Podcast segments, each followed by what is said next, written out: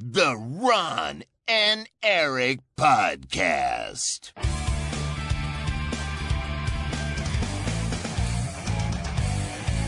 Double kill. Hallo en welkom bij de Ron en Erik podcast. De podcast van Ron en Erik, aflevering 409 over games. Mijn naam is Erik Nusselder, bij mij zoals altijd Ron Forstemans. Ron, Hey! hoorde je die stem? Ik... Ja! Wat was... Hoorde je hem? Erik, Wacht, wacht, wacht, wacht, wacht, wacht. Nog één keer. The Ron and Eric Podcast. Yay! Erik, ik word gek. Ik werd helemaal gek. Dat dit is gebeurd is, Vertel even. is een van de beste dingen in mijn leven. Ik heb me nog nooit zo gezien gevoeld. Of geluisterd in het geval van een podcast. Nou, neem het aan van iemand die al sinds, volgens mij, het eerste van de middelbare school de Halo-stem nadoet. En zijn kat Slayer wilde noemen. Zodat hij, als hij binnenkwam Slayer. thuis, dat hij kon roepen Team Slayer. Neem aan dat dit voor mij best wel een dingetje is. Ja, wie is dit dan? Niet iedereen zal het weten, wij wel. Ja, wij weten het zeker. Voor wie het niet weet.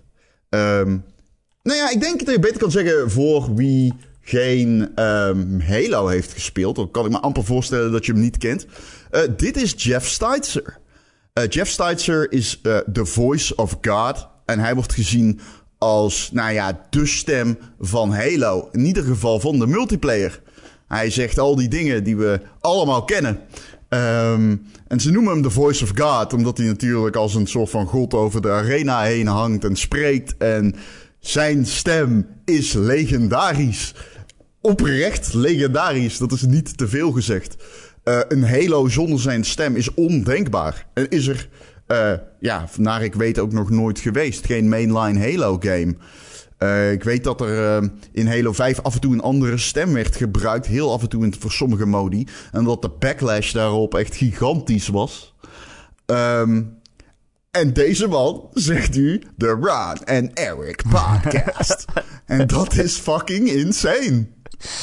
Ja. Ehm, je had eh, contact met hem opgenomen omdat we genomineerd zijn voor de Dutch Podcast Award.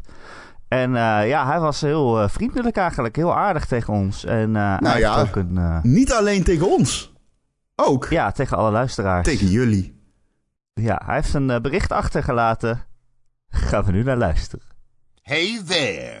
It's Jeff Steitzer, the voice of God multiplayer announcer for Halo. You know, I'm that guy that says things like double kill, triple kill, overkill, killing spree, killing frenzy, kill tacular, Kilimanjaro, kill apocalypse, killionaire, slayer.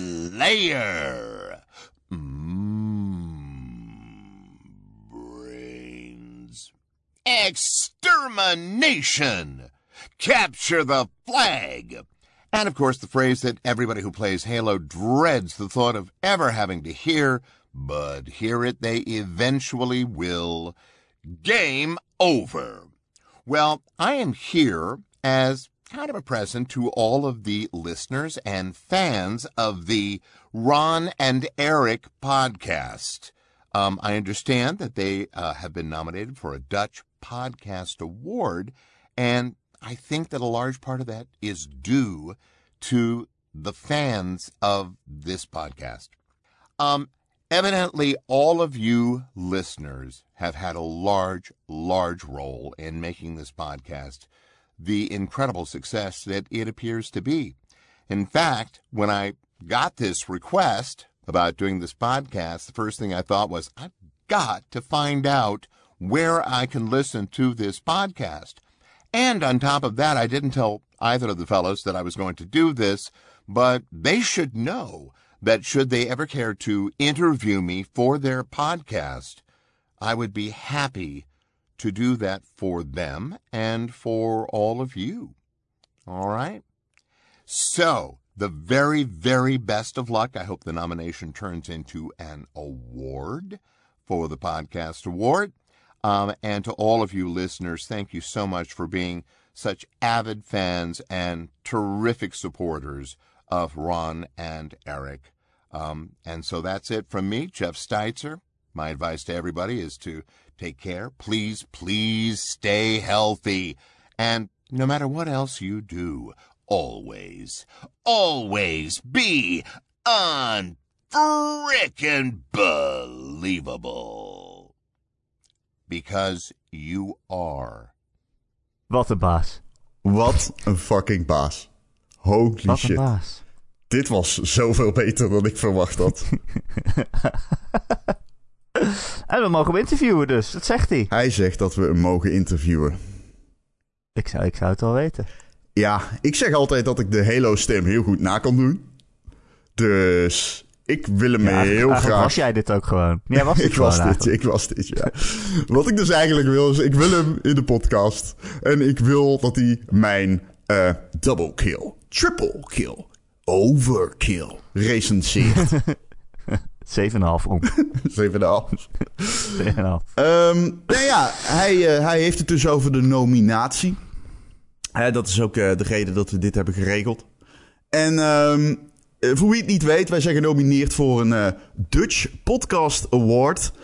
En ehm, dat is eh, de tweede keer dat we in zo'n type wedstrijd genomineerd zijn. Deze is volgens mij iets groter dan die andere, want hier zijn iets meer podcasts genomineerd. Ik ken de ins en outs niet helemaal, ben ik heel eerlijk in. Ehm, wat is er? Waarom moet jij lachen? gewoon. Vind ik leuk. Oké, ik wil zo graag winnen. Als je dit luistert, en ik snap het, ik snap het dat je misschien denkt, ah, fuck it. Maar eh, eh, ik zeg altijd, please laat een recensie achter. En I know dat niet iedereen dat doet. En oké, dat kan ik nog begrijpen. Maar please, please stem op ons. Op gamer.nl in het bericht vind je een link naar de podcast. Zeg maar een bericht over de podcast op maandagochtend 7 uur. En daar staat een link in. En als je op die link klikt op gamer.nl, dan ga je naar de Dutch Podcast Awards.nl. Of de podcastawards.nl, dat is de link. Eh, en als je dan slash stem doet of gewoon naar stemmen gaat, eh, zie je een heleboel categorieën. In games en tech staat de Ron en Erik podcast. En please stem op ons. Please, please, please stem op ons. Ik, ehm, het is... Als je het niet voor ons doet, doe het dan voor de stem van Halo. Ja, en het is ook een beetje zo van... Ik, weet je, ik ga ook gewoon heel... Ik, ik ga er ook gewoon heel eerlijk in zijn. Je weet, ik ben altijd eerlijk in deze podcast. Probeer ik te zijn, thans. Kan niet alles zeggen. Maar ik probeer nooit overal open kaart mee te spelen. Soms tot mijn eigen... eh, ja, dus op manieren dat ik mezelf er eigenlijk mee heb. Ehm, maar ik, ik wil ook zeggen... Kijk, toen wij Gamer.nl podcast waren... Ik, dat is wel... een- Kijk... ehm, dat is wel grappig, want ik was de Pauwpraat aan het luisteren en ik hoor Jacco zeggen. En oprecht, Bones Level is ook genomineerd. Ik zei het de vorige keer, een geweldige podcast. Stem op ons.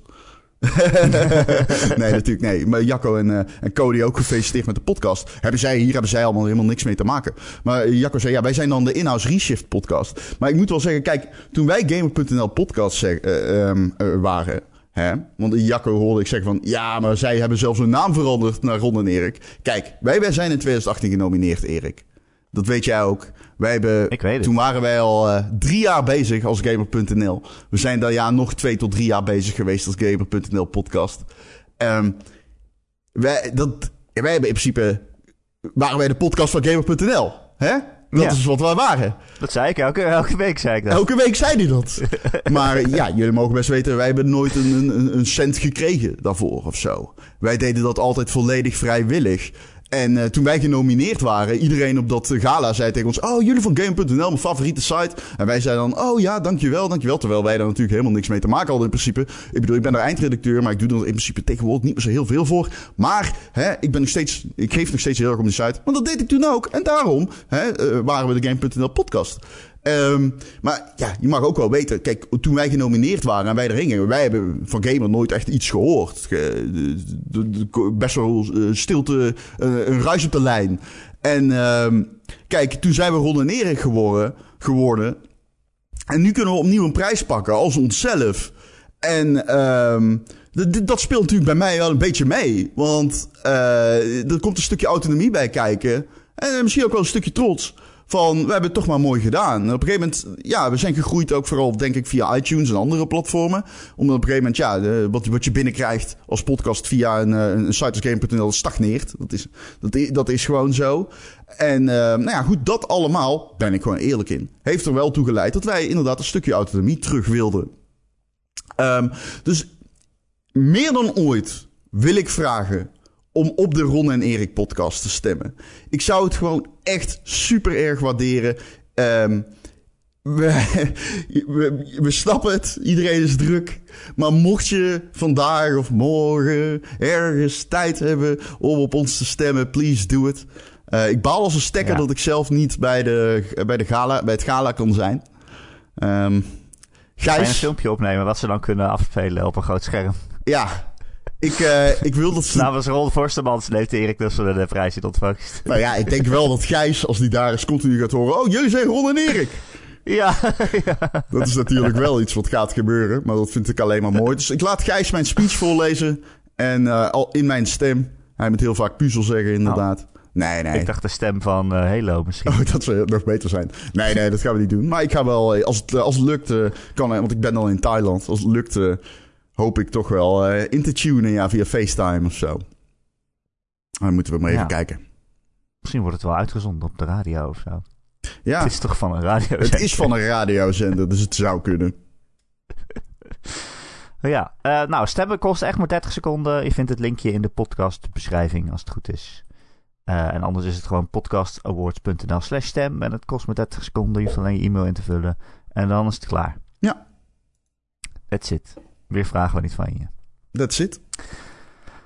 Uh, Ron? Ja? Gaan we het nog over andere dingen hebben? Of was, uh, was dit het wel?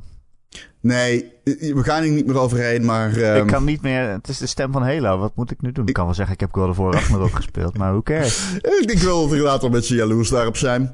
Uh, jij hebt inderdaad God of War Ragnarok gespeeld. Uh, ik heb ook nog wat games gespeeld. Gaan we het dadelijk over hebben onder Call of Duty. Um, hoe, hoeveel mag jij zeggen? Oké, ik ben er aan het spelen voor recensie. Uh, een review verschijnt 3 november. Oké. Okay. Um, en ik heb een preview geschreven. Die staat dan op gamer.nl website. De, de website van gamer.nl. ja. um, en daarin mocht ik het hebben uh, over de eerste paar uur. Tot een bepaald punt in het verhaal. Uh, ik heb daar ongeveer vier tot vijf uur over gedaan. Dus uh, ja, over de eerste vier of vijf uur mag ik van alles zeggen. Er zijn wel allerlei beperking, beperkingen die het embargo op me legt. Op basis van bepaalde verhaalpunten en zo. Die ik dan niet mag noemen. Die ik ook niet zou willen spoilen, eerlijk gezegd. Dus ja, dat is eigenlijk. Dat is, oh, oh, een paar uur heb ik gespeeld. En het is eigenlijk best lastig deze podcast. Want toen ik die preview ging schrijven, toen ben ik gestopt met spelen op het punt dat ik niet meer verder mocht spelen. Toen heb ik mijn mening opgeschreven daarover. Maar nu heb ik inmiddels nog uh, weer verder gespeeld. Dus nu moet ik ervoor zorgen dat ik niet per ongeluk nog dingen ga zeggen over wat er daarna allemaal is gebeurd. En deze tekst staat al op gamer.nl, toch? Ja, dat klopt. Oké, dus je kunt hem daar lezen. Oké. Ja. ja. de kop is uh, God of War Ragnarok borduurt voorlopig veilig verder. En uh, dat is ook wel hoe ik het ervaar. Um, die game begint. Het is gewoon uh, exact God of War 2018. Ongeveer. Nog meer dan ik het had verwacht zelfs. Um, ja, ik, uh, ik ga natuurlijk niks spoilen, maar kan wel een beetje uh, de verhaalopzet geven. om dat te doen moet ik allicht de vorige game spoilen, want hij gaat verder waar de vorige game ophield. Dus als je die nog niet hebt uitgespeeld, ja, wat doe je dan? Dat is de vraag. Ja, want die game is heel erg goed en die moet je sowieso gespeeld hebben. Ja, of misschien boeit je niks. Dan ga ik het nu alsnog spoilen. Uh, God of War Ragnarok begint uh, uh, weer bij Kratos en Atreus thuis. Dat huisje in het bos waar de vorige game ook begon. Um, Fimbulwinter is begonnen. Dat is een, een winter die jarenlang duurt. En volgens de legendes leidt die tot Ragnarok. Ja. oftewel het einde van de wereld en alles wat erbij hoort. best wel serieus dus. Kratos en Atreus zijn zich daar aan het verschuilen. Uh, ze hebben allerlei magische spreuken rond hun huisje uh, gedaan. Volgens mij was dat in deel 1 ook al zo. Flippendo, flippendo. flippendo roepen ze tegen alle bomen. Uh, dan hebben ze een soort kracht, krachtveld om hun huis heen. zodat niemand erin kan komen. En dat is wel nodig ook. Want in de vorige game hebben ze heel veel mensen boos gemaakt. En die hebben het allemaal op hen gemunt. Bijvoorbeeld Freya. Die komt in het begin van de game meteen voorbij. Die uh, wil jullie doodmaken omdat je haar zoon hebt doodgemaakt in deel 1. Uh, maar ook natuurlijk ja, Thor en zo. Die zijn ook super boos. Want je hebt zijn zonen ook doodgemaakt. Nou ja, je hebt al heel wat goden gedood zoals je hoort. en ja, Odin en zo. En al die goden die zijn eigenlijk boos op je. Omdat je Ragnarok veroorzaakt hebt. Dus iedereen wil wat van je. maar jullie zitten eigenlijk verscholen in je huis. Hetzelfde huis waar deel 1 ook begon. En daarna volgt het eigenlijk ongeveer precies dezelfde spelopzet als deel 1. Ik was daar nogal verbaasd over. Zeker omdat de kritiek op deel 1, althans die ik had en jij ook volgens mij, was dat het uh, zo langzaam begon, zo traag op gang kwam. Uh, maar ja, eigenlijk het verhaalverloop in de eerste paar uur is, is ongeveer precies hetzelfde. Je zit thuis te wachten. Kratos wil eigenlijk helemaal niks doen. Die wil geen risico lopen. Die wil nergens heen.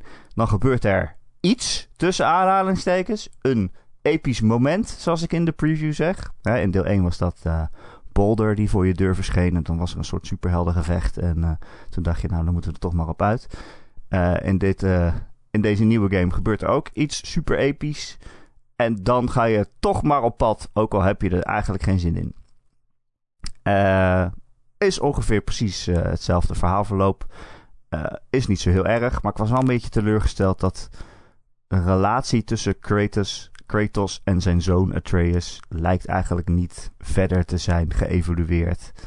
Uh, en dat terwijl je in het vorige spel toch een hele reis samen hebt afgelegd. Er leek wat meer begrip gekweekt te worden. Um, en daarna zijn er nog, uh, ik geloof, drie jaar overheen gegaan voordat deze game dan begint. Ze hebben ze drie jaar in dat huis gezeten samen. Zijn ze alleen maar heel veel aan het trainen voor wat komen gaat. Maar dat huis was toch mega klein? Ja, dat is heel klein. Ja, het is echt een soort uh, blokhutje. Ja, en nu zit het ook nog in de sneeuw de hele tijd, omdat het dus winter is. Ja. Dus uh, het, is echt, het lijkt me echt super kut. En dan zit je dan in zo'n huis met, met een vader die niks wil zeggen. Nee, precies. Die de hele tijd zijn Blades of Chaos aan het slijpen is. ja, precies. Um, ik, en alleen maar wil trainen de hele tijd. Ik heb heel ja, veel vragen. Kan ik die gewoon op jou afvoeren? Kan ik jou gewoon interviewen over deze game? Ja, je kan maar gewoon interviewen. Ik weet niet of ik alles over antwoord op kan Oké. Okay. Uh, laten we beginnen bij de graphics. Deze game is multiplatform, komt ook op de PlayStation 4. Er wordt veel geschreven momenteel over de framerate en de performance modus. Dat die uh, goed draait op een goede resolutie. Dus dat is mooi meegenomen, I guess. Maar hoe ervaar jij dat? Uh, hoe mooi, tussen aanhalingstekens, is deze PlayStation 5 game die ook op de PlayStation 4 verschijnt? Ja, ik vind hem echt heel erg mooi. maar ik vond God of War de vorige ook al heel erg mooi. Dus het is ook weer niet zo'n gigantische stap daar dan weer overheen. Dat je nu denkt, wow, dit is wel heel erg cool. Uh, voor mij scheelt het heel veel dat het nu uh, 60 fps draait. Uh, tenminste, als je die modus kiest van performance. Het is helemaal heel soepel, heel vloeiend, heel gepolished. Kat Ik vind op... het... Sorry. Mijn kat springt op mijn toetsenbord gewoon. Maar oké, okay, ga verder, ja. Ik vind het heel erg mooi. Misschien niet eens zozeer in de graphics graphics... als wel in de details. Uh, al die werelden waar je komt. Of ja, dat kan ik natuurlijk niet zeggen. De eerste wereld waar je komt in de eerste paar uur. is echt, uh, is echt uh, mega gedetailleerd. je reis brengt je eerst naar het, het Dwergenrijk. Dat is geen spoiler, dat hebben ze in de trailers ook al laten zien. Um, daar loop je door een dorpje heen. Het zijn allemaal van die hele kleine dwergenhuisjes.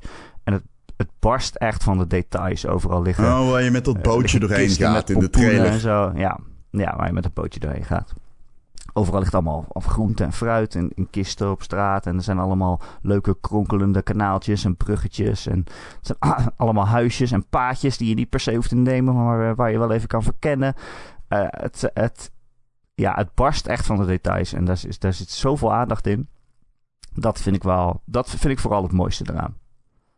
Uh, Oké. Ja, het is echt heel, heel knap gemaakt. Ja, zeker. Um, en het loopt verder gewoon echt heel vloeiend en soepel. En uh, ja, al die animaties sluiten goed op elkaar aan, ook in de combat en zo. Het is, uh, het is heerlijk. Je, je, het begin van de, God of War 2019 was best wel... 18. 18. Oh ja. Dit komt omdat ik nu Call of Duty Modern Warfare 2 aan het spelen ben. En dat is dan ook Oh ja. Modern War, dat is ook een reboot. Dan heb je ook Call of Duty Modern Warfare 2019. dus vandaar. Eh 2018. God of War 2018 had een redelijk eh, lineair begin. eh, waarna je in een soort van gedeelte kwam waarin het open was. Hoe is dat hier? Ja, nou ja, wat ik net zei, het verbaast me wel dat het eigenlijk nu ook weer best wel een sloom, traag begin heeft. Ja, maar is het ook lineair? Het is- Want dat is sloom, is, is- dat geloof ik wel. Ja, het is eh, lineair. Ja, het is geen open wereld game geworden ineens. Het is heel erg lineair. Je kan maar één kant op. En dan op een gegeven moment, als je dus in dat dwergenrijk bent... Oké. Zwartolfheim of zo heet het. Zwar- Zwartolfheim? Ja, zit tegenover ergens een F van in het woord. Withoflijn. ja, precies. ik wilde het Zwaffelheim zeggen, maar dat, ik weet niet of dat eh, mijn dank wordt afgenomen. Luister, niemand die deze podcast meer dan één keer geluisterd is, is verrast door het feit dat jij eigenlijk Zwaffelhof wil zeggen. Zwartalfheim is het. Eh, eerst doe je daar een stuk verhaal, maar op een gegeven moment eh, stap je in een bootje. Net zoals in deel 1 zit je in een bootje en eh, Mimir is er ook weer bij. En die klets je weer van de van je kop, zeg maar. En je vaart een stukje en dan kom je bij een soort T-splitsing. En dan wordt de game een soort van bijna op pauze gezet. Besturing over de camera wordt van je afgenomen. En alleen maar om je te vertellen, yo, als jij hier naar links vaart, dan gaat het verhaal verder.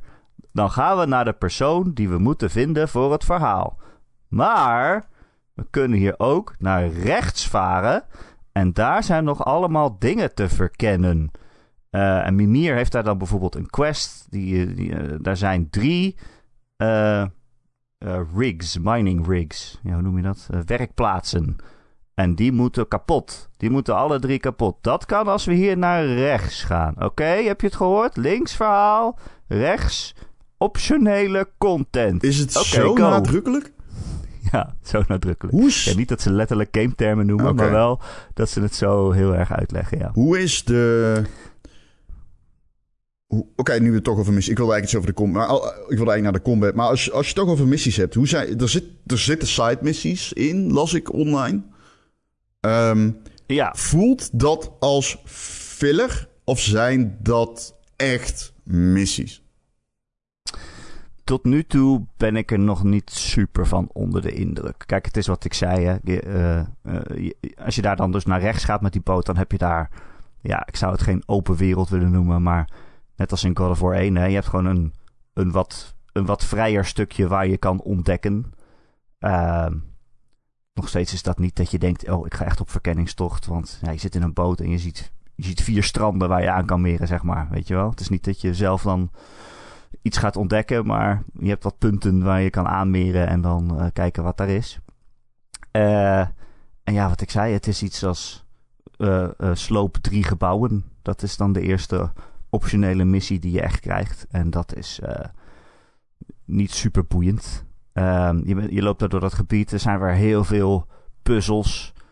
Het zijn weer van die puzzels dat je denkt, ja, ja, je kan het ook niet doen. Ik bedoel, Ik Het is niet vervelend om ze op te lossen. puzzeltjes wel leuk. Dat je zo snel Ja. mogelijk met je bel drie punten in de map moest raken, bijvoorbeeld. Ja, het, ze zijn niet vervelend om te doen, maar het is ook niet dat je denkt, nou, hier zit ik nou echt eh, geboeid eh, naar een epische eh godenreis te kijken, zeg maar. Nee, het zijn dingen als, eh, nou ja, er zijn eh, in de Dwergenrijk zijn bijvoorbeeld gijzers. En dan zijn er ergens twee gijzers, en, maar die kan je dan bevriezen met je, met je vriesbijl. Ja. En als je er dan eentje bevriest, dan gaat die andere harder omhoog spuiten. Mhm. En die kan dan bijvoorbeeld Nee. een platform... Ja. ik zei Nee, niet. shut the fuck dan Maar we hoorden bijvoorbeeld- je wel. We hoorden die... Maar, Spijtje. En die kan dan bijvoorbeeld een platform hell, omhoog spuiten of zo. Of, of iets kapot maken. Dat is een beetje eh, hoe het gaat. Maar het zijn er echt heel veel van dat soort kleine puzzeltjes. Dat je denkt, ja, ik weet dat het optioneel is. Ik hoef het ook niet te doen. Maar, maar goed. Ehm, er zit een- is daar ook nog wel Oh, sorry. een andere optionele missie. Daar mag ik nou weer niks over zeggen. Oh. Maar die vond ik leuker. Maar goed. Oké. Ja. Dus er zijn ook leukere missietjes. Ehm, neem aan dat je weer volop aan het knokken bent. Eh, Hoe zit dat met skill trees? Want ik, dit is natuurlijk een raar ding. Want jij hebt, je hebt God of War geëindigd met een heleboel skills. God of Ja. War 2018. En je was al de God of War. Dus je zou zeggen dat je al redelijk sterk Ja, was. je zou zeggen dat je Nadat- al... Nadat je in, eh, in vier games al heel eh, alle Griekse goden had uitgeboord. Maar, maar heb je denken, al die skills nog en daarbij nieuwe skill trees? Of heb je, moet je weer eh, al die skills plus ik neem aan nieuwe opnieuw helemaal ontgrendelen? Nee, het is, het is echt heel raar. Je moet weer opnieuw beginnen. Echt Ja, het is eigenlijk niet raar. Ik vind, het, ik vind dat niet zo'n groot probleem. Het is een game. Tuurlijk moet je dingen te Ja, ontgrendelen ja, hebben. zeker. Tuurlijk begin je weer op nul. Uh-huh. Ze zeggen het in één zin. Zeggen ze, oh ja, het is Fimbulwinter. Hè? Iedereen wordt er een beetje slapper van. Oh. Nou, klaar. Klaar. We moeten weer opnieuw beginnen. Oh, ja, slim. Dus eh, ja, je, hebt, eh, je moet weer opnieuw eh, eh, alle skills ontgrendelen. Is de En- combat de moeite waard weer? Ik vind het heel fijn. Eh, dat vond ik in deel 1 ook. Het is exact hetzelfde tot nu toe. Dus eh, als je de combat in God of War eh, 2018 niks vond, dan eh, ja, dat is precies hetzelfde. Ook weer Ja, meteen maar- beschikking over je blades? Of... Ja, dus dat is wel het verschil. Deze game begint ongeveer waar eh, de vorige ophield. Dus er is eh, hopelijk, eh, na deze eerste paar uur, is er hopelijk meer eh, ruimte om, om daar nog verder in te ontwikkelen. Want je begint nu inderdaad, nou, het, zeg maar het eerste half uur heb je alleen die bijl. ehm, zodat nieuwe spelers ook- daar ook even aan kunnen wennen. Hè, eh, het voelt nog steeds zo lekker om dit bijl op iemand af te gooien. En dan stuit hij zo af en dan landt hij op de grond. En dan roep je hem weer naar je terug als een boemerang. En dan komt hij van de achterkant nog een keer tegen zijn kop aan, weet je wel. Dat blijft zo heerlijk. Hm. Uh, maar na ongeveer een half uurtje, nadat je de tutorial een beetje gehad hebt, dan pakt hij ook zijn Blades of Chaos, zijn iconische zwa- dubbele zwaarden, pakt hij weer uh, uh, van de kapstok. En dan kan je daar ook weer meteen mee aan de slag en uh, wisselen tussen die wapens. En het is, het is dus in deze eerste paar uur al zo dat je ze ook echt kan combineren tijdens het vechten. En dat belooft wel heel veel goeds. Bijvoorbeeld als je iemand in brand steekt met je Blades of Chaos. Uh, en je switcht naar je ijsbijl. Die doet dan meer damage op vijanden die, die in de fik staan. Dus je kan ze echt combineren. En er zijn ook vijanden bijvoorbeeld die, uh, Oké. immuun zijn voor ijs of immuun voor vuur. En die moet je dan dus met één bepaald uh, wapen slaan. En dan kan je daarna weer terugwisselen naar, naar die andere. Dus Oké. dat is wel echt dat is wel een coole, coole combo. Want jij zegt het voelt heel lekker. Uh, de vorige keer dat ik hem speelde was op de PlayStation 4. Die had geen adaptive triggers en de, de trillende controller dingen. Hoe maakt die gebruik van de DualShock God of War 5? Uh, ja, ik moet eerlijk zeggen dat dat me altijd helemaal niet zo heel veel boeit. Nee. Uh, hij trilt een beetje, ja. Uh, who cares, who cares. Het is op zich wel fijn als je zo'n Blade of Chaos... Die zit natuurlijk aan je armen vast met kettingen. Als je die in iemand gooit, dan dat, dat is wel een, een, een fijne trilling, zeg maar. dat is wel een bevredigend gevoel dat als je, als je iemand echt raakt van een paar meter afstand met zo'n zwaard in zijn kop, dat hij dan ja, die, die is wel lekker. Maar voor de rest uh, ben ik er weinig mee bezig. Even een sidestep. Maar achteraf heeft dat zijn potentie ook nauwelijks benut. We zitten nu twee jaar na de PS5. De beste game die daar gebruik van heeft gemaakt van die controller is Astro's Playroom. Ja, dat boeit me ook zo nog weinig. steeds. Ik bedoel, ja, Zelfs first party beetje. studios doen er relatief weinig mee. Ik bedoel, ik vind het nog steeds een fijne controller. Eh, Maar het is gewoon, het, er is niet mee gedaan wat ik hoopte dat er gedaan mee zou worden. Nee. Wat overigens Nou, uh, ook geldt voor de SSD. Want hoe vaak heb jij nu nog dat gevoel van... wow, er zit echt een SSD in. Nee, op zijn Nou, best is dus het een, wel, eh, uh, op zijn best heeft de console de PC bijgebeet. Zo voelt het althans. Ik vind dat hier ook wel opvallend. Dat jij zegt van, hij komt natuurlijk ook op de PlayStation 4 uit, deze game. Um, en dan zit ik te denken, is de game daar nog op ontworpen? Want hier zitten er nog wel van die stukjes in dat je door een landschap loopt en dan kom je bij een spleet in de muur. En dan moet je op een knop drukken en dan gaat hij door die spleet lopen. Hij laat Atreus altijd voor en dan loopt hij er zelf doorheen en dan schuifelt hij er langzaam door en dan komt hij in het volgende gebied. Dat ik denk, ja, dit is duidelijk een verborgen laadscherm. Ja. Is dat alleen maar nodig?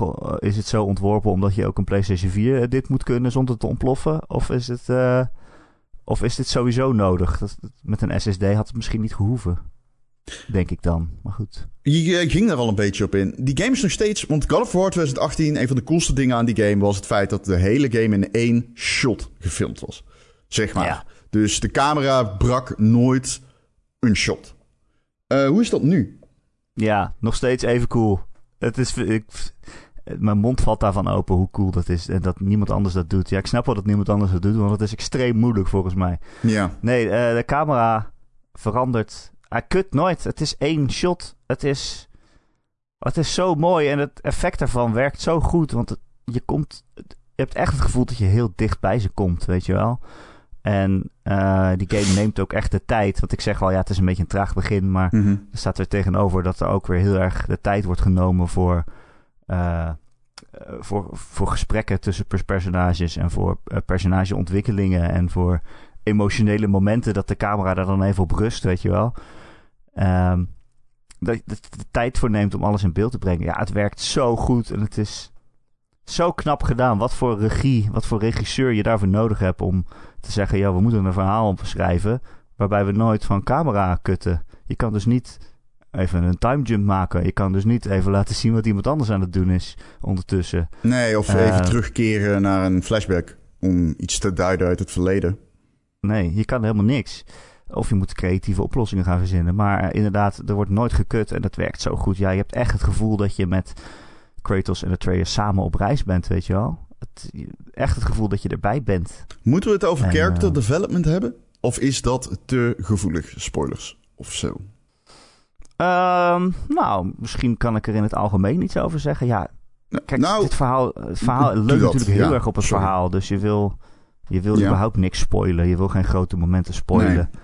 Ik zag al dingen in previews van andere mensen dat ik dacht, ja, dat had ik niet verteld. Volgens nee, dat had ik ook. Dat had ik ook wel een beetje. Volgens mij mocht dat niet eens.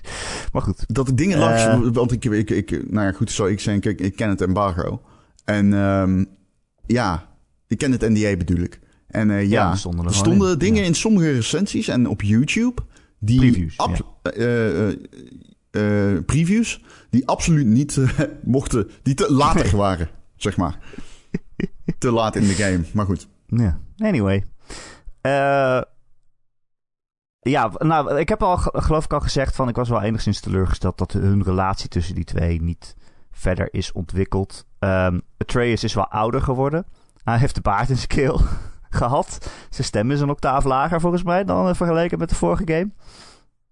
Uh, waar hij in de vorige game echt nog wel een beetje af en toe een irritant kindje kon zijn... is hij nu echt een tiener.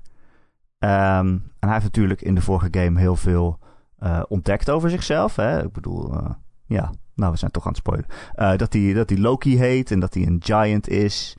halve giant, half Kratos en zo. ik weet niet, half god. Een ingewikkelde familiestamboom. ingewikkelde familiestamboom. Um, en hij wil weten wat dat betekent en wat zijn rol is in de legendes en de, en de voorspellingen. En hij wil erop uit, hij wil dingen gaan ontdekken. Uh, en Kratos is degene die zegt: nee, we blijven, we blijven hier. We gaan nergens heen. We willen geen risico nemen. Ik wil niet dat jij gevaar loopt. Ik wil niet dat wij gevaar lopen. Hier zijn we veilig. Bla bla bla bla bla. Um, dat is op zich een oké conflict om te hebben. Maar ik vond het wel jammer dat dat ongeveer hetzelfde conflict is als in de vorige game. Zo van Atreus wil dingen. En Kratos is boos en, of nors. En hij legt ook niet uit waarom die dingen niet wil. En hij, hij, heeft ook geen goede gesprekken met zijn zoon. Niet dat ik nou verwacht dat Kratos ineens een soort van uh, meevoedende vader wordt of zo. Het blijft toch uh, de God of War. Maar uh, ja, ik vond dat wel een klein beetje tegenvallen. Dus ik hoop dat dat in de rest van de game dan in dit geval verder uitgediept wordt. Ja. Ik las ja. ergens, ja, en ik ga het uh, bewust heel vaag houden, dat uh, Kratos, nou, laat ik zeggen, zichzelf dat hij vaak zegt dat hij het ook niet. Hij is ook niet meer de jongste, zegt hij. Heb ik begrepen. Is dit een game waarin Kratos, afgaande op de eerste vijf, uh, vijf uur. Ja, hoe moet ik daar nou geven? ik, ik, ja, kijk, we weten ja. aan het einde... Oké, okay, okay, dus uh, open kaart. Aan het einde van God of War, mocht je God of War niet hebben gespeeld... Dit is een echt harde spoiler. Zie je een muurtekening. En op die muurtekening zie je Kratos weggesleept worden door ogenschijnlijk Loki, dus Atreus. En dat impliceert dat hij. Er wordt geïmpliceerd dat hij overlijdt. Of zwaar gewond is, of, maar dat zijn einde nabij is. Want volgens mij is het een muurtekening die, de die chronologisch laat zien wat er gebeurt. Of gebeurd is of zoiets. Ik weet niet helemaal zeker. Ja, dat waren de, de, de voorspellingen van de Giants. En dat is wat ze doen. Die, uh, die prophecies en zo maken. Die allemaal uitkomen. Ja, dus wij hebben zeggen altijd van... Kratos gaat dood in dit deel. zeggen wij altijd in de podcast. Maar als je God of War gespeeld hebt, is dat geen spoiler. Want dat is letterlijk wat er op die muur staat.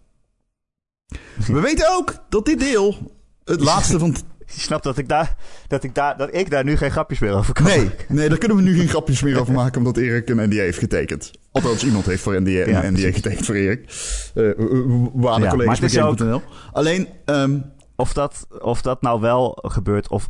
En ook als het niet gebeurt, dat is iets wat je niet wil weten. Nee, nee, nee, zeker niet. Nee. Eh, dus ik ga daar ook misschien niet dieper op in. Is het wel zo dat hij... Ja, kut. Ja, ik kan die vraag trouwens eigenlijk niet stellen. ik wil niet weten of hij Nee, doodgaat. moet ik ik wil weten of Kratos zichzelf heel erg kwetsbaar op gaat stellen omdat hij ouder wordt. Maar dat is misschien te veel spoilerterrein of niet. Dat is, eh, en ook wel iets dat je te- in deze eerste paar uur... eh, dat, voor de opzet van de game is dat niet iets wat direct Ah, Oké, nou dan weet ik wat het... Raar, want ik zag dus een preview dat het wel gaat- stellen. Maar dat is dus een van die dingen waarvan ik dan niet weet of je Ja. dat echt niet mag zeggen. Ja, nee, kon je dan, eh, hoeft het er niet ja, over te hebben. ja. Ik wil niet iets spoilen. Maar, ik, ik, ik, ik wil geen spoilers. Dus als, dat, als, dat, als, je, als je het niet kan zeggen, kun je het niet zeggen. Dan houd het gewoon op. Nee, maar je merkt wel dat eh Atreus eh, vooral steeds ouder wordt. En meer op zijn eigen benen gaat staan. Oh, wacht. Nee, hij gaat toch niet puberen? Hij gaat puberen. Oh god. Ja, ja, maar dat is het lastige van dat, dat het maar één camera-shot is. Dan zit hij ergens in de hoek te masturberen in kamer.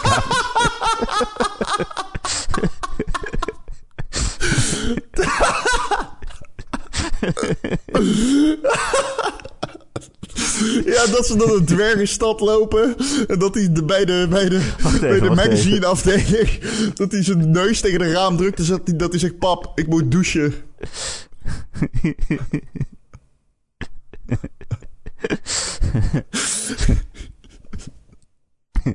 Oké.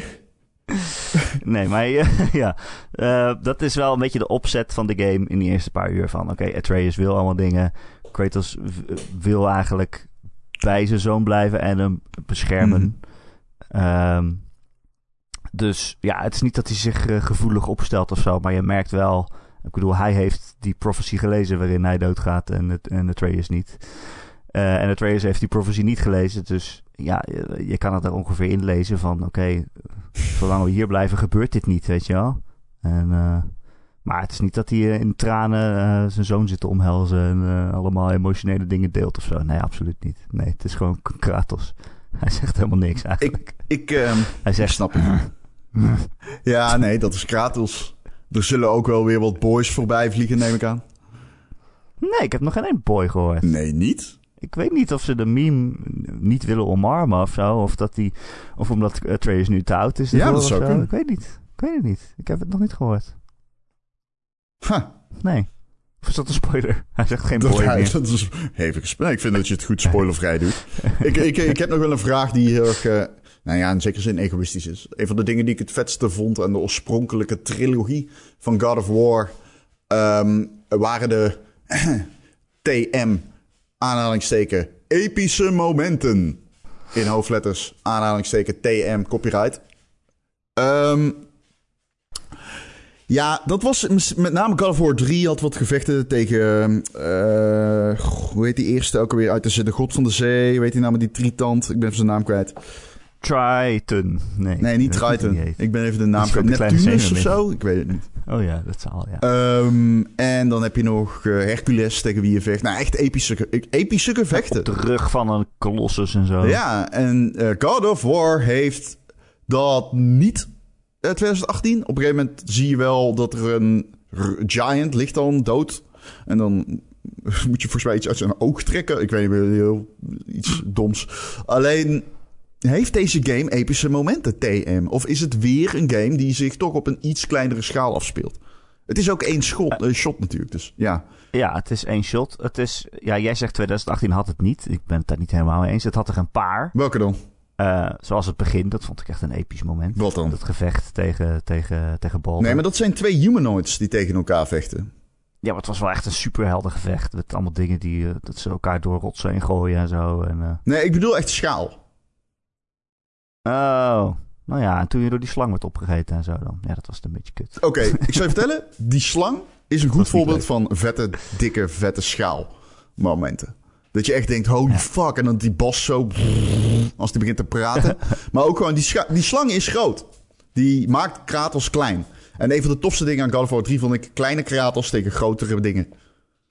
Ja, nee, dat, is- dat is net wat ik eigenlijk in het begin zei. Het is dezelfde opzet als Nee. God of War 2018 en dat geldt ook voor dit. Eh, is zeker die eerste paar uur. Het is misschien nog wat trager dan, eh, dan de vorige game. Het focust heel erg. Het focus, de focus ligt heel erg op het verhaal. Hm.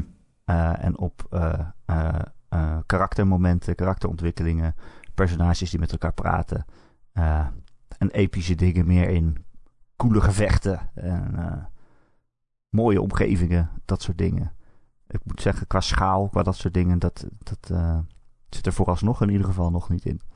Maar goed, dat had die vorige game ook niet. En dat is ook een geweldige game, Zeker. uiteindelijk. Ja. Nee, absoluut. Eh, Daar valt weinig... eh, maar het is wel, eh, het is, het, als je God of War koopt, en ook God of War Ragnarok koopt, omdat je coole actie wil, dan moet je wel echt door heel veel tussenfilmpjes heen zitten met mensen die tegen elkaar praten. Als dat je niet boeit, zeg maar, als je niet emotionele zingeving eh, nodig hebt, dan eh, dit, dit, de nadruk ligt daar meer dan ooit op. Ehm, ik heb nog één vraag. Alleen ik weet niet eh, of we daar tijd voor hebben. Maar ja, we hebben alle tijd. Het is meer zo van... Nou ja, Internet is vol. hij heeft dat pratende hoofd. Altijd. Ja, Mimir. Mimir. Ja, En dat is Ja, een is van de beste cool. voice actors in de hele game. Hij vertelt continu verhalen in 2018. Eh, ik heb het over 2018. Eh, vertelt hij continu verhalen over de geschiedenis en de Noordse mythologie. Eh, hoe zit dat hier? Ja, die is er dus van het, begin- vanaf het begin bij. Die woont bij, bij, bij ze. Die, die staat gewoon op de tafel in het huis.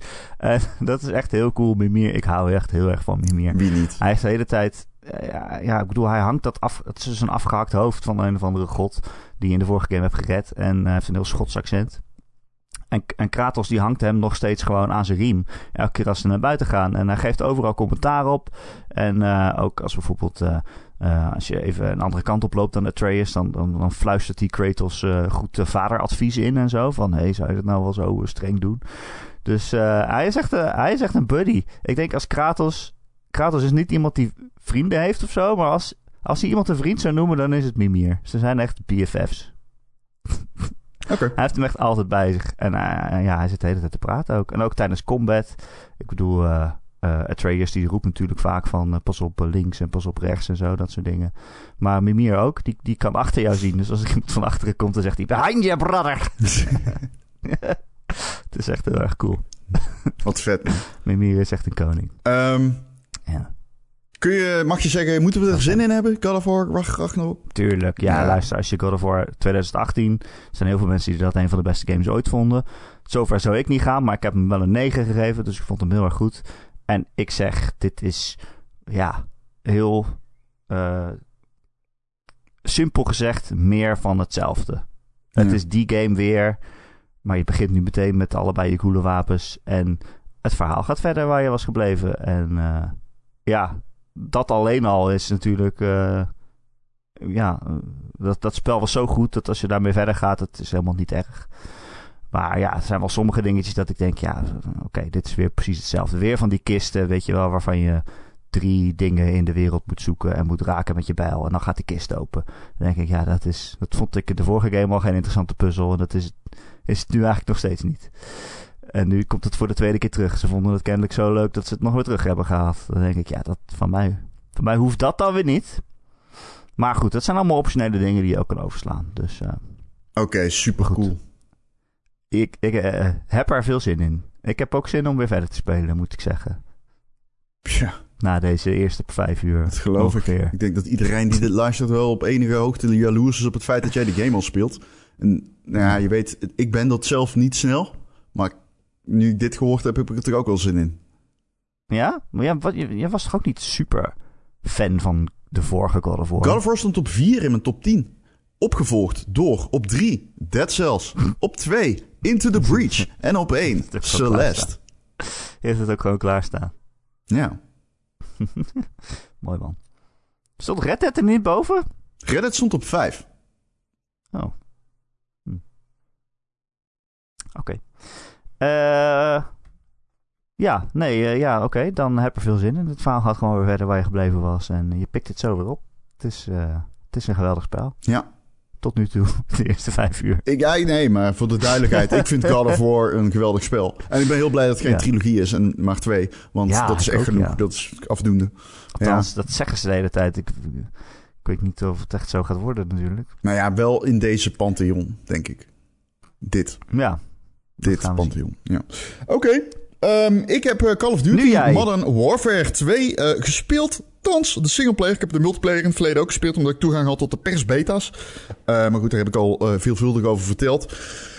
Oeh, ik zit nu denk ik op missie 12. Eh, ik zou zeggen net voorbij de helft. Durf ik niet helemaal zeker te zeggen. Ik weet het niet helemaal zeker of het 12 is of verder. Want ik heb gisteren nog een aantal missies gedaan. Nou, ik denk dat ik er ongeveer 4, 5 uur in zit.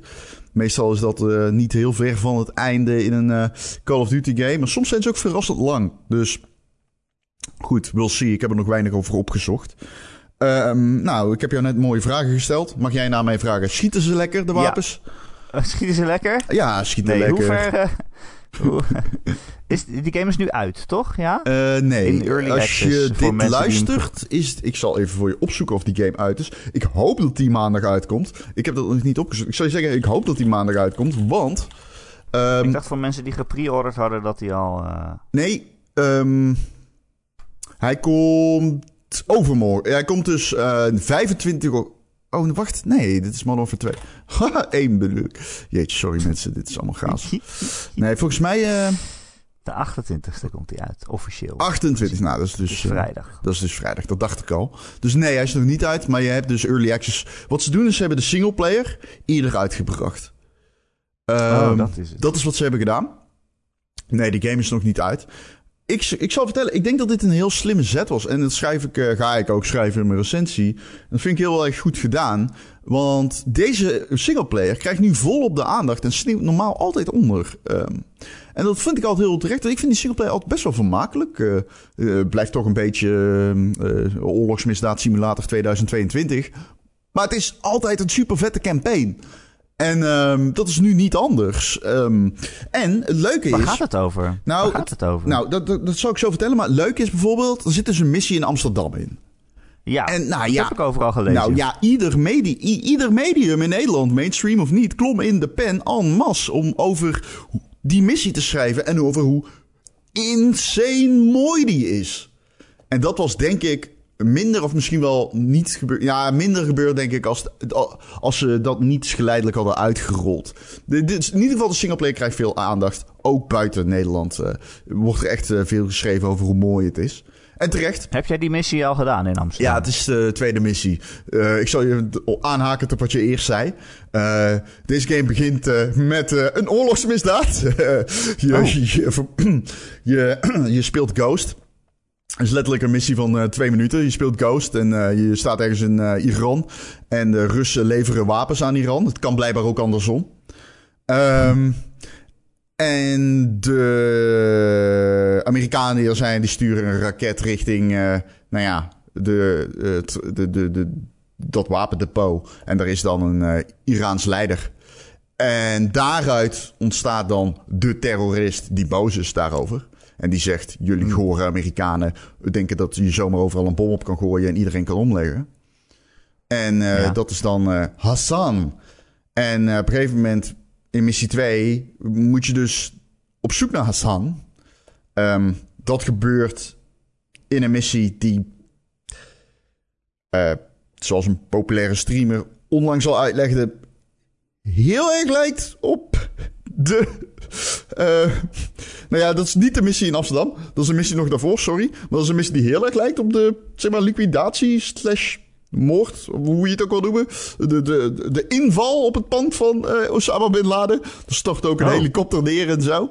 En dan moet je Hassan uit zijn pand halen. Maar goed, hij is dan al ontsnapt. En dan blijkt dus, oh, waar is die dan? Nou, hij zit waarschijnlijk of mogelijk, of een compagnon misschien, wie weet, in Amsterdam. Dus dan ga je naar Amsterdam en dan ga je eerst in een nachtmissie duiken. En dan ehm, kom je erachter Oei. dat het eh Kom je allemaal Mexico... fietsen tegen, of niet? Sorry, pardon? Kom je allemaal fietsen tegen? Oh, daar, ja, nee, die, die, dat, eh, die, die, dat, eh, hoe heet dat ding? Wat zou die fietsen uit de gracht haalt en in die boot tilt, weet je wel? Of, Een baggeraar. ja, die baggera, die zie je wel meteen. Dat is het eerste shot. Oh, echt? Ja. ja. Ehm, maar eh, dan eh, kom je erachter dat ook het eh, Mexicaanse kartel erbij betrokken is. Dus je hebt een, een Iranese terrorist, Russische uiters, met Russische wapens, die naar verluidt dan ook Amerikaanse ehm, raketten heeft gestolen. Want daar ga je op zoek naar in de game, de Amerikaanse raketten die die terrorist heeft. En hij werkt samen met het Mexicaanse kartel. En, oh nee, een internationaal kartel. En hij gebruikt Mexicaanse vluchtelingen om de grens over te smokkelen. Vanuit Nederland? Nee, dat is in Amerika. Oh, Nee, die oké. doet echt verschillende landen aan. ik dacht al. Dus mocht je denken, dat is best wel een chaotisch verhaal. Ja, dat klopt. Ja, Ja, dat is wel Ja. waar, ja. Als je, dat dacht ik inderdaad. op een gegeven moment eh, zijn er zoveel geopolitieke thema's die deze game wil aansnijden... dat zeg maar het algehele plot een beetje daaronder ondersneeuwt. Ehm. Nee, dit, dit, dit, Maar hoe ziet... dit is. Amsterdam echt is zo mooi? Want ik zag inderdaad... eh, ik zag filmpjes inderdaad, wat jij zegt, op allerlei mainstream media. En ik zag het filmpje van Amsterdam en het bijna niet van echt te onderscheiden. En ik dacht ook, ja, maar dit is op een pc van 6000 euro. ja, dat eh, zei ik ook al meteen. Niet op een van 6000 euro. Dat populairste filmpje is gemaakt op een PC die draait op een GPU. Die heette GTX 3070. Ehm, en die is wel, zeg maar, krachtig. Maar dat is niet de krachtigste kaart. Hm, Ze hebben daar ja. betaalde je tijdens de pandemic heel veel geld voor, voor die kaart. Maar dat is absoluut niet de krachtigste kaart of zo. Ehm, en ja, nee, maar het ziet er ook bijvoorbeeld op de PlayStation 5. Het ziet er werkelijk bijna levensecht uit. Het is bijna Uncanny Valley-achtig, weet je wel. Ik moet zeggen, toen ik dat zag, dat filmpje, toen dacht ik... Is dit het jaar dat ik Call of Duty ga spelen? Ja, maar, ik... ik dat, dat schreef ik ook. Er waren, ehm, bij mij op de redactie waren nogal wat mensen die zeiden van... Ah, wat kut toch, dat Call of Duty altijd zoveel aandacht krijgt... en andere kleinere games die vet zijn niet. En dan denk ik bij mezelf, maar waarom eigenlijk? Ik bedoel, ik vind dat een raar statement. Ik ben het daar ook niet mee eens. Eh, Zien we liever dat alle games veel aandacht krijgen? Ja. Maar dit is in iedere industrie hetzelfde. Ik bedoel, Von Trier krijgt ook minder aandacht dan eh, de nieuwe Transformers. Dit is Ja. gewoon hoe het werkt. En dit de is... Violet Parade krijgt minder aandacht dan de nieuwe Muse. Ja, of U2. En, kijk, ik, ik snap het. Ik snap, ik snap de ergernis. Ehm, maar mogen we ook gewoon zeggen dat het hele goede games zijn? En dat Als het... het zo is, wel. Ja, en, eh, mogen we ook gewoon zeggen... Ik bedoel, kijk, ik snap het. Het is eh pingpong, eh piefpap poef. En het heeft de diepgang van een granaal. En vaak hebben die games de levensduur van een banaan. Alleen, ik persoonlijk v- vermaak me altijd heel erg goed met die, ehm, met die singleplayer modi. Dus ach, is het allemaal zo slecht dat hij een keer in de schijnwerper staat? Volgens mij is dat wel te verklaren. Eh, moet je hem kopen? I don't know. I don't know. Dit is wel weer de beste singleplayer in drie jaar. Net zoals Call of Duty. eh, Modern Warfare 2019 de beste Call of Duty in drie jaar was. Ehm, in ieder geval de singleplayer. Ja, het zijn gewoon leuke spellen, man. En deze game doet weliswaar niet heel veel nieuw, maar doet wel wat dingen nieuw. Je speelt natuurlijk met... Voor wie het niet weet, het is een reboot. Dus eh, we hebben natuurlijk... in Ja, dat moet ik toch, eh, daar moet ik toch eh, ook over vragen. Want dat is mij, daar ben ik het spoor inderdaad bijster. Ik weet, in 2019 kwam er een Call of Duty Modern Warfare. Ja. Dat was een reboot van Modern Warfare, wat de vierde Call of Duty was. Ja. Oké, natuurlijk is... Is dit dan het vervolg op Ja, die reboot? ja, je moet dit dit niet de reboot zien- van het vervolg? Je moet dit niet zien. Natuurlijk is Call of Duty Modern Warfare 2 geen remake of een remaster van Modern Warfare eh, 2 uit 2019. Eh, dit deel is het vervolg op Call Call of Duty Modern Warfare uit 2019. Ik snap dat het verwarrend is, maar je kunt dit het beste zien als een vervolg op die game uit 2019. Wat een reboot was van de serie. Dus je hebt bekende Call of Duty personages die hè, deel uitmaken van de cast die je al kende van toen. Maar het is een reboot. Dus ze doen allemaal eh, nieuwe personages ook mee. En personages uit andere delen van de serie. Het heeft er gewoon eigenlijk niks mee te maken. Maar het is een reboot. Ja, het borduurt Ja. voort. Dus op die uit 2019. Maar het verhaal gaat ook weer compleet ergens anders over. Dus je hoeft die niet gespeeld te hebben. Ehm, ja, ik... Kijk, Ehm, natuurlijk is dit gewoon een Call of Duty game. Maar ik vind dit deel op sommige fronten wel echt beter dan voorgangers, ook Modern Warfare 2019. Vijanden zijn veel beter geanimeerd te midden van de actie. Ze gaan echt geleidelijk van wandelen naar sprinten. Ze kijken voorzichtig om hoekjes of onder auto's. En dan denk je misschien, ja, who cares? Sure.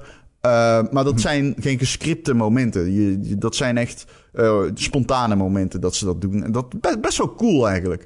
En sowieso voelt de kunstmatige intelligentie iets beter. Um, vijanden trekken zich terug als het ze te heet onder de voeten wordt. Deze kot voelt ook moeilijker qua singleplayer. Ook vanwege de vele vijanden. Die zijn echt tot de tanden toe bepanserd. Dus je moet echt headshots maken. En dat is best wel leuk eigenlijk. Want goed kunnen richten is daarmee iets belangrijker. Uh, en ik moet zeggen, de resterende verbeteringen die zijn echt vooral narratief. Zo kun je vragen stellen aan personages tijdens de missies. Uh, dan moet je keuzes maken tussen de verschillende vragen. En dan denk je opnieuw misschien, nou en. Uh, dat dacht ik ook, moet ik eerlijk zeggen. Maar die personages in de missies, en dan met name de welbekende, zoals uh, Captain Price, Sergeant Gas, natuurlijk Ghost. Uh, die zijn echt heerlijk met elkaar aan het oude hoeren.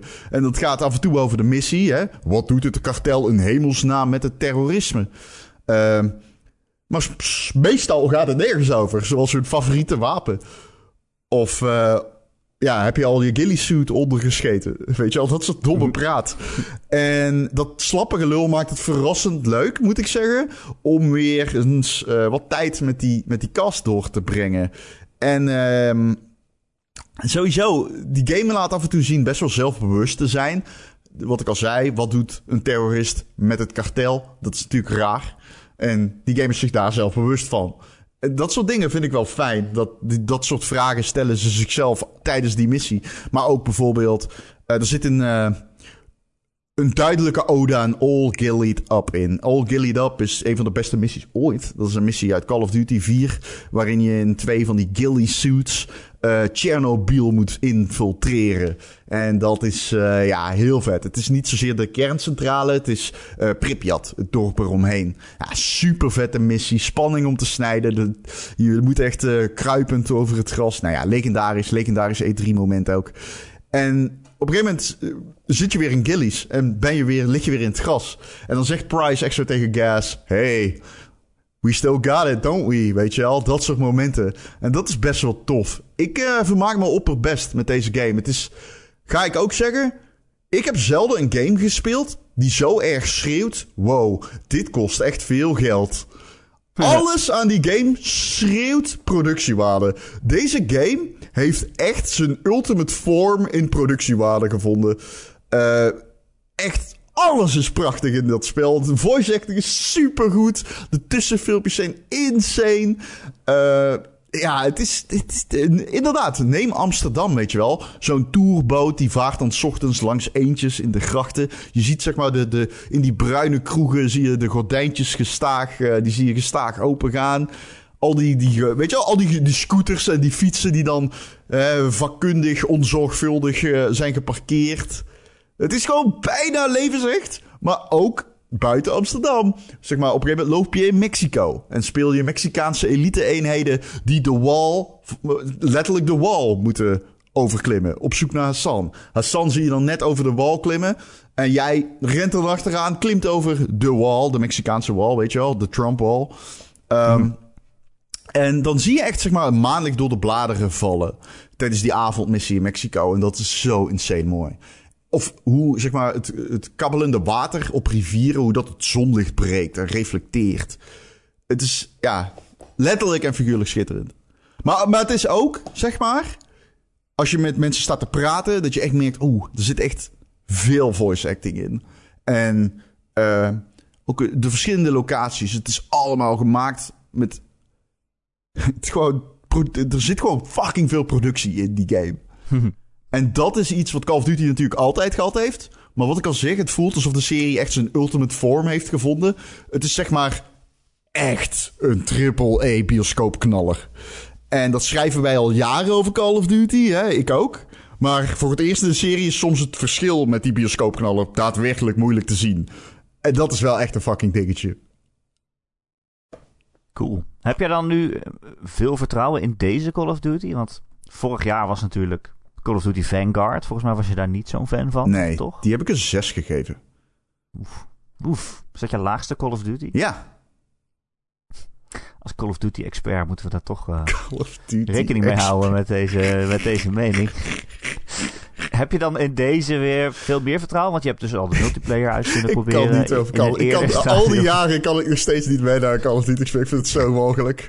Maar goed, ga verder. ja. Maar jij bent, eh, ze noemen jou Call of Duty man, toch? Dat is je achternaam. Nee, we gaan tot... Nee, oh, ja. Call of Duty, man. Ja, ik heb ook eens een zijrol in Death Stranding. Call of Duty man. Waarom heet je eigenlijk zo, Ron? Nou, toen ik jong was... Het moet 14 zijn geweest, terwijl mijn vinger langzaam over het telefoonboek pagina 12 gleed. Ik zocht de naam. Medal of Honor, man. Maar ik kon hem niet vinden. Eenzaam trok ik mij terug in mijn kamer. Uren, dagen gingen voorbij, alleen in Wat donkerte. was je dan aan het doen? Masturberen. Ik was Ja, 12. die telefoonboek gaat niet meer open, of wel? Ehm, nee, dus de- de- denk ik dat deze game de betere Call of Duty wordt in drie jaar. Ja, dat dacht ik al na de beta. Dus dat Ja, is absoluut niet verrassend. Dat ligt gewoon aan Infinity Ward dan. Ja, dat is ja, weer de studio die deze dan weer maakt. Ja, dit is gewoon een heel complete game, zou ik willen zeggen. Ook dadelijk met Warzone. Maar het is ook...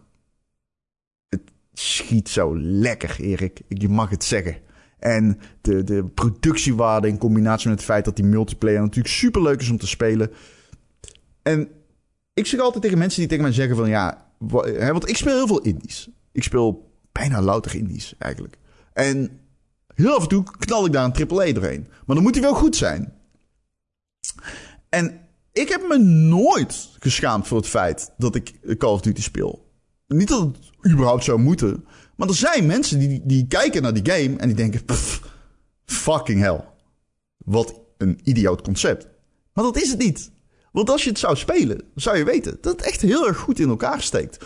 Omwille van wat het wil bereiken. En wat Call of Duty wil bereiken is inderdaad hersenloos popcornvermaak met een hele, hele leuke multiplayer die je met vrienden kan spelen, in-out kan droppen zonder moeite en een co-op. En, eh, ehm, eh, er zitten zeg maar modi in dat je met z'n tweeën tegen twee anderen kan spelen en die zijn dan ook heel leuk. Ehm, en dat doet deze game altijd, al, zeg maar, 2019 deed dat het beste in drie jaar tijd. En deze game gaat dat ook weer gewoon het beste doen. En dat is wel een beetje de kracht, denk ik, van Infinity Ward. Die weten heel goed die kern van Call of Duty te vinden. Eh, nu is het ook een reboot. Dat zal meehelpen. Het is natuurlijk moeilijker als je een eh, versie P moet verzinnen. En, en zoals ze in het verleden wel eens hebben moeten doen natuurlijk. Met Black Ops en met World at War. En met die game met eh, ehm, eh, Advanced Warfare. Dus dat, dat, is natuurlijk. Dat, dat, de, basis is, ligt er al, de fundering ligt er al.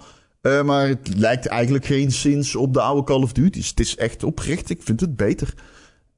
En ik kan alleen maar zeggen, als jij, want jij zegt net, en dat vind ik wel vet dat je dat zegt, van moet ik deze gaan spelen? Ik zou het garant dat je er geen spijt van krijgt. Want dat is het natuurlijk. Kijk, je speelt Halo Infinite en je vindt het leuk. Als jij Halo Infinite leuk vindt, vind je Call of Duty ook leuk. Wat, wat, is het, eh, was het, wat is het effectieve verschil? Het is heel klein. Nu, nu ga ik heel eerlijk zeggen dat Halo Infinite mij beter ligt. Dat het tactischer diepgaander is. Maar de flow van Ja. de combat en dergelijke. De mindstate die je nodig hebt om dat leuk te vinden. Die is best wel overeenkomstig. Ik heb bij Call of Duty altijd dat de time to kill zo veel korter is. Dat als je het fout doet of er zit iemand achter je, dat je dan meteen dood bent. Ja, dat, is, dat, is, dat, dat argument is absoluut waar. Dan zit je er al meer in dan ik dacht. Ik dacht dat je weet niet wat time to kill is.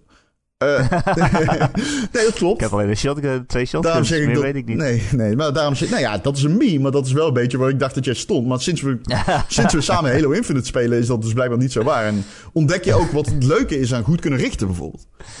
Goed... Nou ja, maar nee, maar dat is onzin. Want dit soort dingen weet ik al wel langer. Maar dat is ook de reden dat ik weet dat ik Call of Duty niet zo leuk vind. Omdat, of dat ik er niet goed in ben.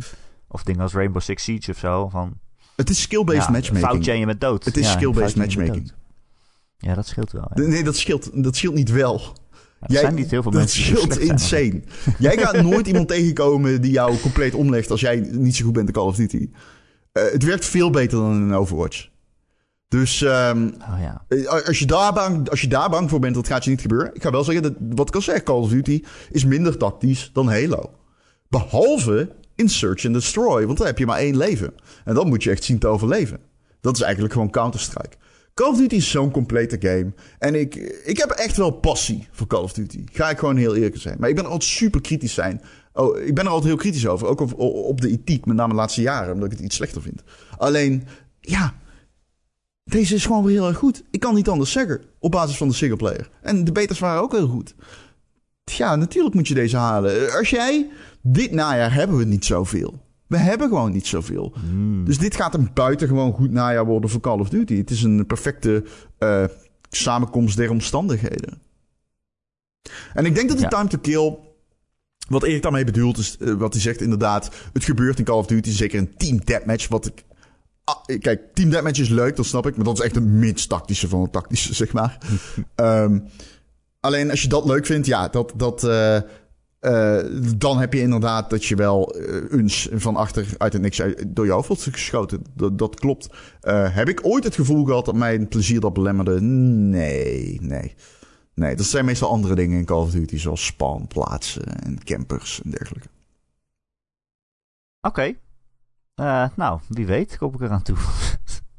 het zou me niks verbazen. Nou ja, klinkt namelijk leuk. Ik zou het super vet vinden als we samen Call of Duty konden spelen. Oh, ik, bijvoorbeeld Michel. Michel Musters. Hè? Ik zou zeggen, zit op hetzelfde niveau. Als jij, qua, qua controle, pookjes, uh, schieten, knallen, blablabla. Ja, wij vermaken ons zo goed. Iedere Call of Duty weer speel ik met Michel. Iedere Call of Duty weer zeg, zitten we echt te genieten samen. En ik zal heel eerlijk zijn, ik ben best wel goed in Call of Duty. Ben ik, ga ik niet onder stoelen of banken steken. Ik heb vroeger zoveel fucking team League Play gespeeld in Black Ops 2. Uh, zeg maar echt clan matches en dergelijke. En ik speel natuurlijk al ruim 10 jaar.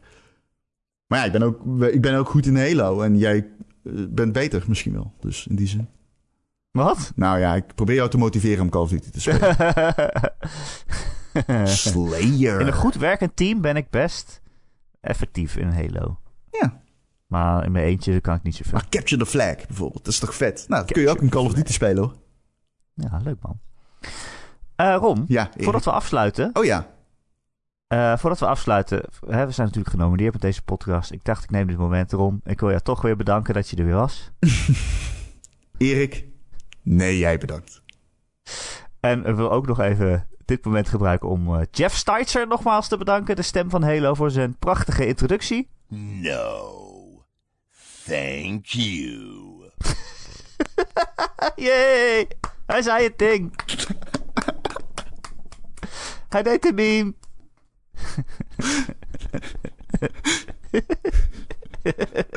Het is insane. Dit is insane. Dit is insane, mensen. Dit is, dit is insane. Weet je wat ook insane is? Nee. De Ron en Erik podcast. Ah. Elke maandag te downloaden via allerlei podcast apps en feeds. Als je je abonneert op je favoriete podcast app, dan komen we elke maandagochtend vanzelf in je oren. En als je ergens luistert uh, waar je ook een review achter kan laten. Zouden wij het heel fijn vinden als je dat een keer wilt doen. Een aantal sterretjes bijvoorbeeld in Apple Podcast of in Spotify. Want dan zijn we weer beter vindbaar voor nieuwe luisteraars. En hoe meer luisteraars, hoe meer uh, uh, potentiële stemmomenten er zijn. Uh, ja, nogmaals, we zouden het echt super, super fijn vinden als je op ons zou willen stemmen. Zeker. Bij de Dutch Podcast Awards. podcastawards.nl slash stem. En dan in de categorie Tech en Games Ron en Erik. Dat zijn wij. Oh, ik zeg het ja. echt al zoveel, maar ik wil zo graag winnen. Jeff Steitzer wil ook dat wij winnen. Dus uh, dan moet het wel gebeuren, want hij is de stem van God. Um, wil je meer Ron en Erik, dan kan dat. Dan kun je je abonneren via onze Patreon. Uh, Patreon.com slash Ron en Erik. Voor een klein bedrag in de maand krijg je dan elke week een extra podcast. Of vier keer in de maand moeten we misschien zeggen. Ik weet eigenlijk niet wat ik ga doen als jij op vakantie bent, Ron. Dus dan uh, moet mensen hun geld teruggeven. Zo. Betalen toch voor Ron? Dat is een goede vraag. nee, komt toch goed. We verzinnen wel wat. Ja. Uh, ja, je krijgt dus elke week een extra podcast. En vanaf een bepaald bedrag in de maand word je ook vriend van de show.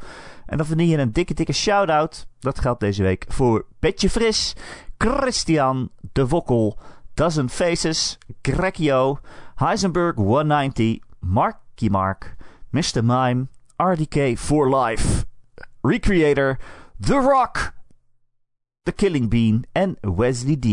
Wesley D. Allemaal hartelijk dank voor jullie steun. Uh, wil je geen Patreon worden, heb je geen geld voor ons. Dat geeft niks. We vinden je nog steeds uh, heel erg lief. Stem op ons, maar kom ook in onze Discord-server. De Ron en Erik Discord-server is een chatgroep waar zo'n 400 luisteraars samen zitten, met elkaar praten, met elkaar kletsen. Echt gewoon een gezellige, fijne community waar je al je game dingen kwijt kunt die je misschien niet bij een normale vrienden mee overweg kunt. Omdat ze alleen Call of Duty spelen of zo, weet ik veel. Nou, uh, kom in de uh, Discord. Dan kun je met ons Call of Duty spelen. Dat is leuk. ja. de link daarvoor vind je in de podcastbeschrijving. of op gamer.nl elke maandagochtend, waar deze podcast dan ook in staat. Ja. Het artikel. Nou, leuk hè? Ja. En nogmaals, stem op ons. En ik wil ook nog even zeggen, ik, ik, ik, zie uit naar de strijd met bonus level en de andere twee podcasts. Ik ben oprecht benieuwd uh, wie als winnaar uit de strijd komt. Dat is toch, uh, dat is ook leuk. Wij kennen, al, wij kennen in ieder geval van Boli, wij kennen natuurlijk, uh, wij kennen Cody en Jacco natuurlijk. Ik, ik denk, ik doe ook als, een powerpraat met ze, dus dat is wel grappig allemaal. Als zij winnen ben ik ook echt super blij trouwens. Ja, nee, absoluut. Nee, ik ken maar liever dat ik Ik ken geen... wij moeten winnen, absoluut. Maar ik ken oprecht bijna geen grotere schatten dan Jacco en Cody, dus... Oké, nou, maar stem op ons. Maar stem op ons, please. Ik wil zo graag weten. hey, uh, bedankt allemaal en tot uh, volgende week. Tot volgende week en nee, jij bedankt. No, thank you.